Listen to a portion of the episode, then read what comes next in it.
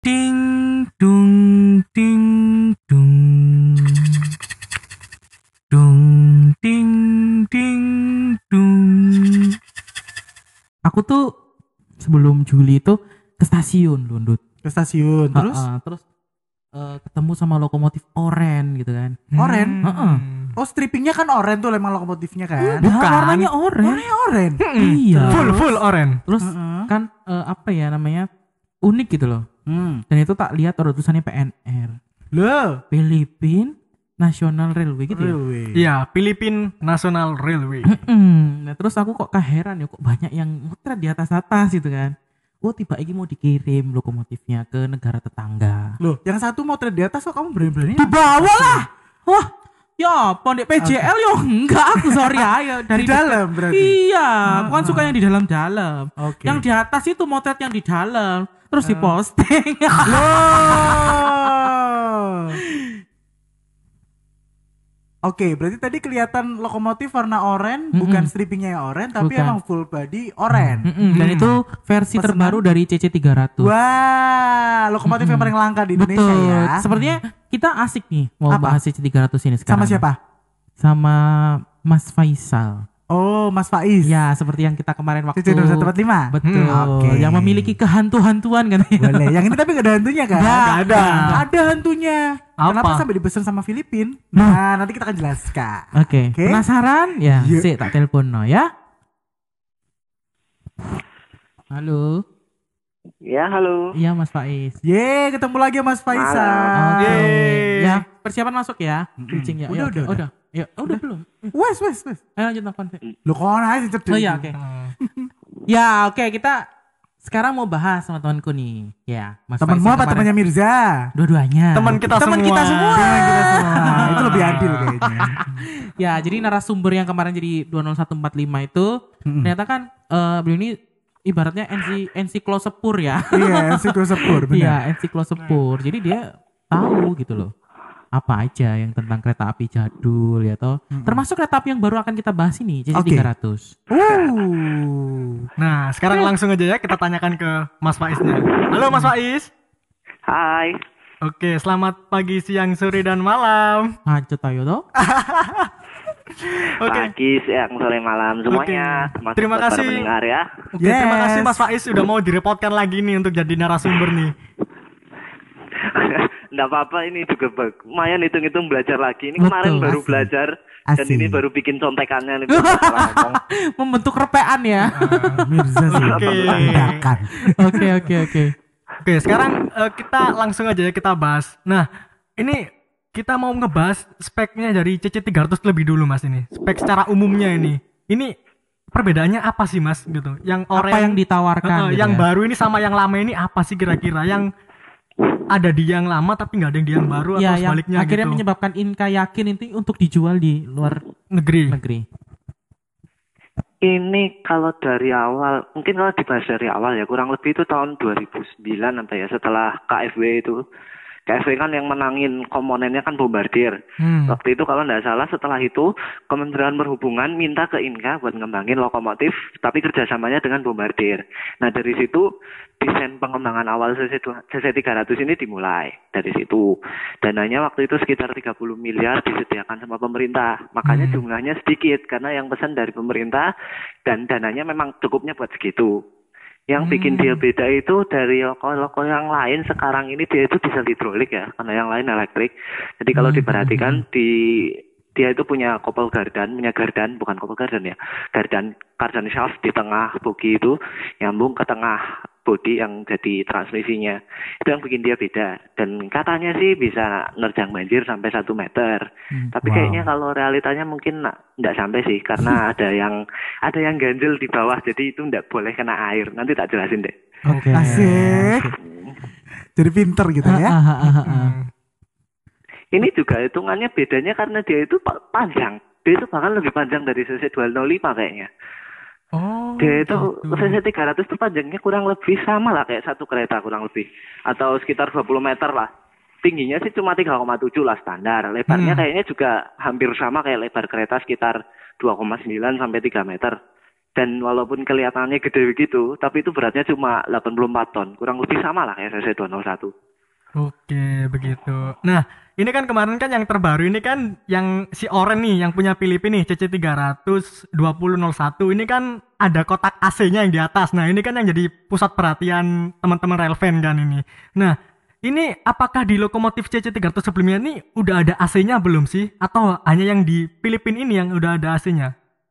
AC itu sebenarnya sudah dari yang pertama itu, coba karena yang pertama sampai yang kelima itu letaknya ngumpat, jadi dia nggak kelihatan. Jadi kelihatannya nggak kayak punya AC, tapi sebenarnya punya. Nah AC-nya itu mesinnya letaknya di bawah, di bawah lantai, ya di bawah undercarriage lah, di dekat-dekat bogi. Makanya itu yang bikin CC 300 yang lama aslinya mungkin nggak bisa menerjang banjir terlalu tinggi karena dia punya mesin AC-nya di bawah. Jadi kalau terendam mungkin bisa konslet. Jadi walaupun punya Filipin itu estetikanya kurang, tapi secara fungsional mungkin lebih bagus punya Filipin karena nggak perlu takut konslet AC-nya. Oh, gitu. Iya, iya, iya, iya. Jadi kalau secara estetika memang kurang, tapi secara fungsional ini sangat lebih baik ya daripada CC300-nya Indonesia gitu ya. Kurang lebih ya. Tapi Hmm. kayaknya mereknya Sae. Yang baru ini mungkin AC-nya Inka apa ya? Icon. Yang lama itu buatan Thermorel sih. Iya, eh, kalau yang lama setahu saya buatan Thermorel, tapi yang terbaru ini kayaknya sih memang dari Inka gitu. Icon. Iya, Ah, modelnya Icon. kayak yang di kereta-kereta itu nggak sih? Heeh. Iya, kereta-kereta Iya. yang kayak Aksi terbaru. sentral gitu ya. Oh, Oke, oke, oke. Ngotak-ngotak gede. Oke, tapi tadi um, cukup menarik yang dibilang Mas Amar sih uh, terkait masalah yang di Inka, uh, yang di Filipin bisa benar-benar secara fungsional bisa mener- menerjang banjir gitu ya. Tapi sebenarnya apakah itu sangat perlu ya? Mengingat kalau di Surab kalau di Indonesia sendiri kadang ada kereta api yang menerjang, menerjang banjir, walaupun bisa ya, walaupun bisa misalkan sisi 300 tadi. Itu, uh, tapi tetap nggak boleh lewat dong karena apa? Uh, ini loh kan nggak tahu kondisi di bawah. Kondisi realnya Eh, seperti apa. Nah itu apakah sebenarnya eh, apa ya lokomotif yang diidam-idamkan bisa menejar, menejar banjir itu hanya se- sebagai kayak apa ya kayak sebagai atau unggulan-unggulan tertentu yang berbeda gitu nggak sih mas? karena kan kalau tahu kita ya itu kan image yang selalu digembur-gemburkan. Hmm, oleh yang paling kapitanya. ya, yang paling di paling dia bangsa bisa banjir gitu. Padahal kan sebenarnya eh, apakah itu berkolak belakang dengan kenyataan apakah menyebabkan jadi kereta api nggak memesan itu? Karena nggak masuk akal mungkin. Atau gimana mas? Menurut mas Faisal? Ya sebenarnya karena alasan utamanya ya karena dia diesel hidrolik sih. Diesel hidrolik itu kalau nggak salah perawatannya lebih ribet. Hitungannya beda sama diesel elektrik. Diesel hidrolik itu kalau nggak salah perawatannya kayak plaser apa ya hitungannya jam jam kerja per berapa ribu jam berapa ratus jam gitu dan dan agak repot juga memang dan dia kelemahannya yaitu sekali transmisinya bocor dia langsung lumpuh. Beda sama diesel elektrik. Kalau diesel elektrik, salah satu traksi motornya gangguan dia bisa diputus, yang sisanya masih bisa gerak. Tapi kalau D- DH sekali bagian transmisinya kena ada bocor, dia pasti langsung berhenti, nggak bisa gerak langsung. Karena nyawanya tuh di situ. Sekali itu rusak, dia nggak bisa gerak. Oh oke oke oke. mungkin yang pernah viral itu ya video yang apa yang ini apa lokomotif CC 300 sama rangkaian Jayabaya tuh yang nerjang banjir di Porong itu kan juga sempat digembor-gemborkan itu bahwa ini loh buktinya lokomotif ini tuh pernah nerjang banjir gitu. Nah tapi kan itu dengan catatan bahwa itu juga gerbongnya kan gerbong produksi Inka yang AC-nya itu udah AC sentral bukan AC split yang di bawah ya kan gitu. Nah itu kan yang jarang sekali referensi apa eh, perhatikan gitu loh bahwa cuma dilihat oh ya ini cuma bisa nerjang banjir dan gini gini gini gini gitu nggak dilihat spek lainnya gitu Iya sebenarnya karena yang menerjang banjir itu kan sebenarnya kondisional dan memang harusnya darurat satu. Karena memang ya itu tadi. kadang kalau misalnya banjirnya gelap kita nggak tahu bawahnya itu kayak apa. Makanya waktu itu banyak porong banjir itu kan apa kokuriku kan selalu bolak balik ngecek kan. Itu tujuannya itu. Lapisan relnya masih bisa diinjak apa enggak? Karena tahu-tahu bawahnya ada yang gogos nggak ketahuan dan sebagainya. Makanya Nah, sebenarnya maksudku. kondision Hmm. kondisional dan ya memang harus hati-hati memang. Hmm. operasinya harus hati-hati Jadi eh, jargon-jargon bisa menerjang banjir pun sebenarnya juga perlu dipertanyakan ya. Maksudnya harus diperhatikan gitu loh Gitu nggak sih? jangan cuma sekali viral sekali viral Ya, digembor-gemborin gitu. sebenarnya ya sebenarnya kayak apa ya? Kayak kayak iklan lah. Kalau iklan itu kan kadang ada tanda bintang tulisannya kayak gitu. Dan ketentuan tetap berlaku. Oh, gitu. langsung mantruk plus gitu nggak bisa tetap dilihat dulu relnya gimana karena kalau oke. gogos terus ke bawah Maling gitu, ya. Makanya. Malik. Hmm. Mana kan di situ ada ini ya, ada pembangkit untuk itu ya. Kalau juga 300 ya. Iya. Ada ya. Ada. Nah ini yang bikin spesial juga dari CC 300 dia karena punya itu apa pembangkit buat yang bisa buat supply Hmm, hmm, hmm. rangkaian itu istilahnya HEP kalau nggak salah head and power. Dulu pernah itu ke Perumka PTKA ya PTKA kayaknya itu pernah eksperimen CC 201 tuh dijadiin gitu.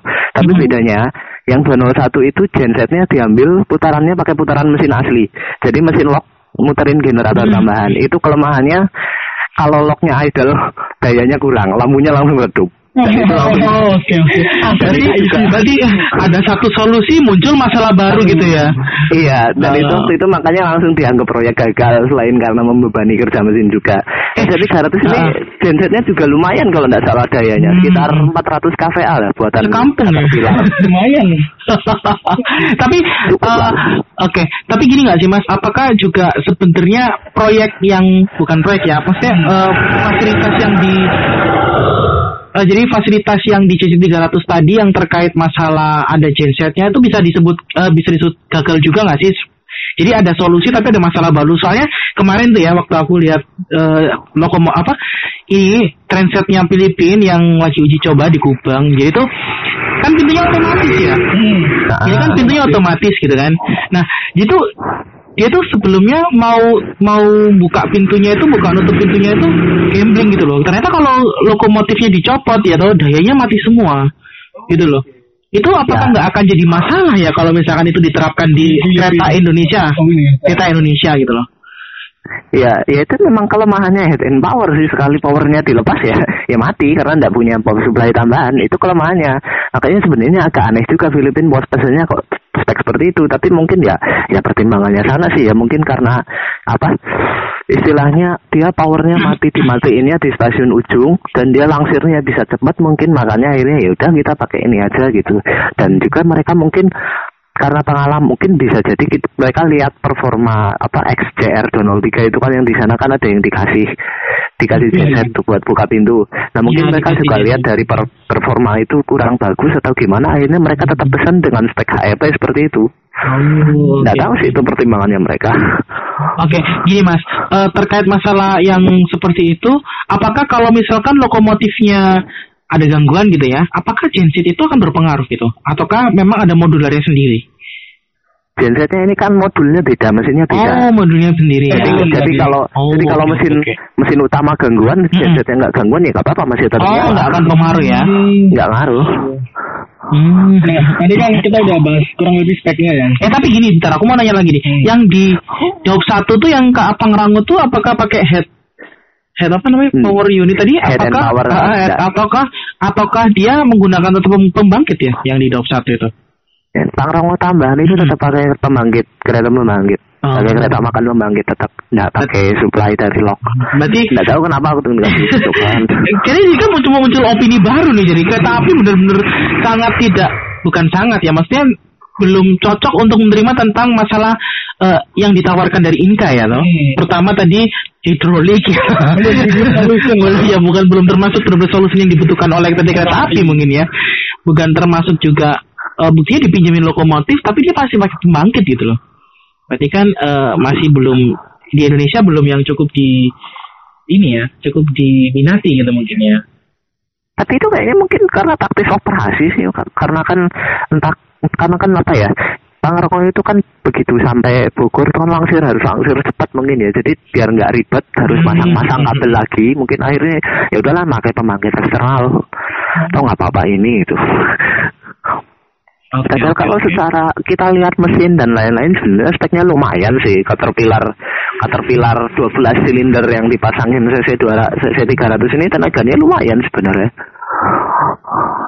Apa terus sistem-sistemnya kita lihat juga nggak nggak nggak jelek-jelek amat sebenarnya. Walaupun dia belum hitungannya belum komputerisasi ya, dia cuma baru punya engine monitoring unit, cuma punya istilahnya TECU apa ya, TSEU. Tren Bentar, saya lupa singkatannya. Lihat lihat contekan dulu. Train Engine Control Unit. Nah, dia Train punya itu. unit ya. Bukan itu. Jadi itu nggak nggak ngatur mesin kayak punya CC 206 itu Breakstar Sirius nggak dia cuma monitor mesin itu gimana gimana gimana dan mungkin karena kalau ada anomali bisa ngasih informasi juga ke masinis jadi bukan belum komuterisasi tapi sudah lumayan aspeknya. Nah, Mhm. ini kenapa sih CC300 di Indonesia ini hanya diproduksi sedikit? Kalau nggak salah sekitar 5 unit ya. Iya, yang untuk Indonesia yang cuma lima. Awalnya malah cuma tiga. Oh, tiga. Nah Tiga terus ya. yang dua ini pengembangan atau gimana? Jadi itu kan, ya itu karena yang tiga itu kan pesanan Dirjen waktu itu buat pengembangan lokomotif. Istilahnya dia nyuruhin kabik coba kamu ngembangin lokomotif ini tak kasih uang kamu nambahin dikit. Kasarnya seperti itu. Nah ternyata cukupnya cuma buat tiga mungkin ya udah akhirnya tiga. Nah yang dua ini pengembangannya karena yang tiga pertama itu punya masalah di kabin jadi kalau dia dari dalam masinis itu pandangan ke kiri kanannya agak kurang bebas Hmm. karena kan kita tahu yang tiga unit yang sisa di Jawa ini kan kaca depan, terus ketutup pilar, Hmm. pilarnya full, nggak ada kacanya kiri kanan. Hmm. Nah karena ketutup pilar itu nggak bisa lihat full ke kanan atau kiri, akhirnya dikembangkan, dibikin solusinya di yang angkatan 2014, dibuatkan kaca di pilar kanan kirinya dua, jadi mukanya Hmm. mirip-mirip KRDI lah hasilnya. Hmm. Oke oke. Terus ada fungsinya nggak mas yang terkait masalah ada penambahan eh, kamera di sisi kanan kiri dari lokomotif itu? itu kan apa itu kan karena locknya itu modelnya beda ya mungkin ya Oh, nah akhirnya oh. biar biar masinis nggak perlu inguk-inguk dari jendela akhirnya ya udah Mm, mm, dikasih CCTV aja jadi bisa kelihatan dari Oh. kabin Macamnya kayak kan juga, spion gitu ya fungsinya ya? ah, fungsinya kayak spion Hmm. cuma kan karena nggak memungkinkan buat dipasang spion akhirnya ya udah pakai CCTV Oke oke. Oke oke oke. Berarti ini nggak sih apa bisa sangat disayangkan nggak ya? Mungkin aku kalau aku sebagai Inka tuh ya punya perasaan sih Indonesia kyo cek nemen nih ya masuk produk dia nggak dipakai Pas-pasan gitu produknya. mungkin gitu ya mungkin ya tapi ya. Eh ya tapi ya gimana lagi ya mungkin karena dirasa nggak itu nggak Tapi itu memenuhi pernah- kebutuhan dan Iya. lain-lain ya udahlah. Dulu pernah muncul isu nggak sih mas yang kalau katanya Jonan itu dikasih Pak Jonan itu dikasih lokomotif ini tapi nolak gitu ya? PTKI waktu zaman di PTKI itu. Bener nggak sih itu? Sempat ada rumor-rumor yang beredar seperti itu kalian itu nggak bisa tak konfirmasi sih cuma Hmm, karena kalau hmm. KAI itu kan dalam tanda kutip memang udah males sama unit-unit hidrolik itu sejak lama sih karena ya ya. itu tadi Hmm. Heeh, heeh. ribet Terus sama dengan kira-kira ada hubungannya juga nggak ya dengan DU sekarang karena tahu dulu mungkin kereta api sangat menolak akhirnya dia tidak memaksakan untuk menawarkan produk selain kereta ke ini Kereta ke api. kereta api. Karena kan Burut-Burut Inka kan juga orang kereta api dulu. iya. Ya, Kira-kira ya apa sih akan tahu gitu ya sini. gitu Iya. nggak sih Mas? ya secara ya secara halus kan tetap ditawarkan toh itu juga dipajang di bagian produk gitu-gitu itu kan juga masuknya produknya Bombardier itu loh kalau nggak salah promosinya masuk lainnya Bombardier Asia Trucks kalau nggak salah itu Oh, oke. Oh ya Asia Trek, aku pernah denger tuh. Asia Trek. Oke oke oke, tapi juga ini nih ya, ya sebagai BUMN untuk Indonesia gitu ya keren ya. keren sih keren. sih. dengan jargon itu tetap ya tapi setidaknya bisa lebih longgar ini kan daripada hadir untuk negeri yang dipaksa untuk menggunakan produknya Tapi ini, ini kita boleh melebar dikit nggak ke proyek yang Asia Trek itu? ah yang Asia Track saya yang belum kemarin lupa nggak itu sih belum groupingnya belum belum ngumpulin bahan kemarin kemarin Oke, harus ini. mungkin itu Tapi next mungkin kali suatu ya. saat bakal beli sih oke oke Mungkin nanti Kalau next mungkin- kita mau kalau bahas lagi ya. Bisa kita bahas. Iya, kita bisa sih. kita ya bahas mungkin kalau tentang mungkin kalau aku sebagai kereta api nih sih ben Filipin tuku ndelok rusaknya sak piro Oh iya benar. gitu nggak sih kok Trial ya, Trial. trial ya. kelinci percobaan. iya ah, ah, ah. yang yang Filipina itu kabarnya juga ada improvementnya sih dari hasil dinesan Pangrango tambahan itu ada improvementnya di bogi apa ya kalau nggak salah Hmm, Itu. iya buginya beda sih Heeh. kelihatan sih beda, beda ya dikit beda Mm, dikit mm, mm. dia Soalnya- pakai keping keping rodanya pakai punya 206 kalau nggak salah itu Iya betul. mirip Eh, punya eh, keping 206. rodanya juga lebih mengkilap dan kayaknya beda banget gitu sama yang sebelumnya beda yang hitam pokoknya hitam ya. ada yang beda Soalnya aku pernah denger sih cerita dari apa temanku masinis yang pernah ngejalanin pangrango pakai CC 300 gitu. Katanya loko ini itu nggak cocok buat lintas statis Bogor Sukabumi itu nggak cocok gitu buat diajak lari statis naik turun belok kanan kiri gitu. Terus juga sensitif sama lengkung kecil katanya ya. ya karena panjang sih ha. karena panjang dan dia punya ya punya apa kopel gardan kopel gardan itu kan otomatis membatasi lengkung juga sih karena nggak bisa terlalu muntir ke kanan atau ke kiri kan Hmm. kurang fleksibel dan kalau masalah di lintas tanjakan kayak gitu memang mungkin karakternya Lok DH ya agak dia agak agak Ngeden susah kesusahan nanjak. Apa? gitu ya. istilahnya ngoser lah ngoser itu gimana ya? Ngos-ngosan. rodanya muter tapi enggak rodanya muter tapi geraknya enggak enggak enggak Oh, sepadan semacam semi selip gitu ya mungkin ya, semacam semi selip Ah, ya. Selip semi, semi selip tapi ke dia dia nggak selip misalnya dia lari Hmm. lari dia katakanlah lari 40 tapi rodanya muternya tuh kayak muter 50 gitu loh nanjaknya gitu mungkin gitu Hmm. mungkin ya karena itu tadi karena gardan kan putaran Ya, gardannya ah, ah, ah. cepat Iya, iya, tapi tidak iya. diimbangi sama traksinya dan itu kayaknya memang penyakitnya lok DH di situ jadi kalau Hmm. buat nanjak memang agak susah Oke, oke, oke. Hmm. dan kayaknya emang beberapa kali kesusahan nanjak sih di sana kan Hmm. nggak sampai nggak sampai gagal nanjak sih cuma ya itu apa susah payah nanjaknya Iya, apalagi susah kalau payah sampai mungkin sampai di lockpen juga kan beberapa Hmm. kali sering malah. Hmm. Iya itu periode 14 Mei sampai 30 Agustus itu kan kurang lebih di catatan ada sekitar 10 kali gangguan. Tapi itu banyak- Makanya Oh, sampai wow. di standby-in dua-duanya ya di sana ya. Iya, Oh iya iya biar benar-benar. biar gantinya cepat mungkin sih. tapi itu tapi itu sebagian ya karena kegagalan komponen sih kayak waktu itu Hmm, hmm. Hmm. tensio apa apanya itu ya yang kotor. Jadi kotor jadi nggak Mm-mm. fungsinya nggak Oke. normal itu cuma dibersihin beres lagi terus ada baut yang rusak apa ada balik tapi itu yang yang bikin mungkin yang bikin ada improvement di bugi itu karena Pegasnya pernah patah kalau nggak salah dua kali apa ya patah akhirnya mungkin karena itu diubah dikit punya Filipin Hmm, hmm, hmm, hmm. tadi ya gitulah. Jadi itu tadi ya nunggu ada improvisasi terus akhirnya KAI Iya, saya delok benar. sih gitu kan. tapi kalau mis Mm-mm. kalau misalnya masih tetap apa ya masih tetap prinsipnya harus ada logo siaga banjir tapi bisa jadi suatu saat beli sih karena nggak mungkin kan terus terusan pakai diesel hidrolik lama Kayaknya kalau beli Karena enggak deh mas dikasih. dikasih di Nunggu, standby. nunggu, Iya, nunggu dikasih sama nunggu kor- dihibah ya Iya nunggu hibah kan ini hibahnya udah disebar-sebar tapi tinggal nerima aja nggak mau.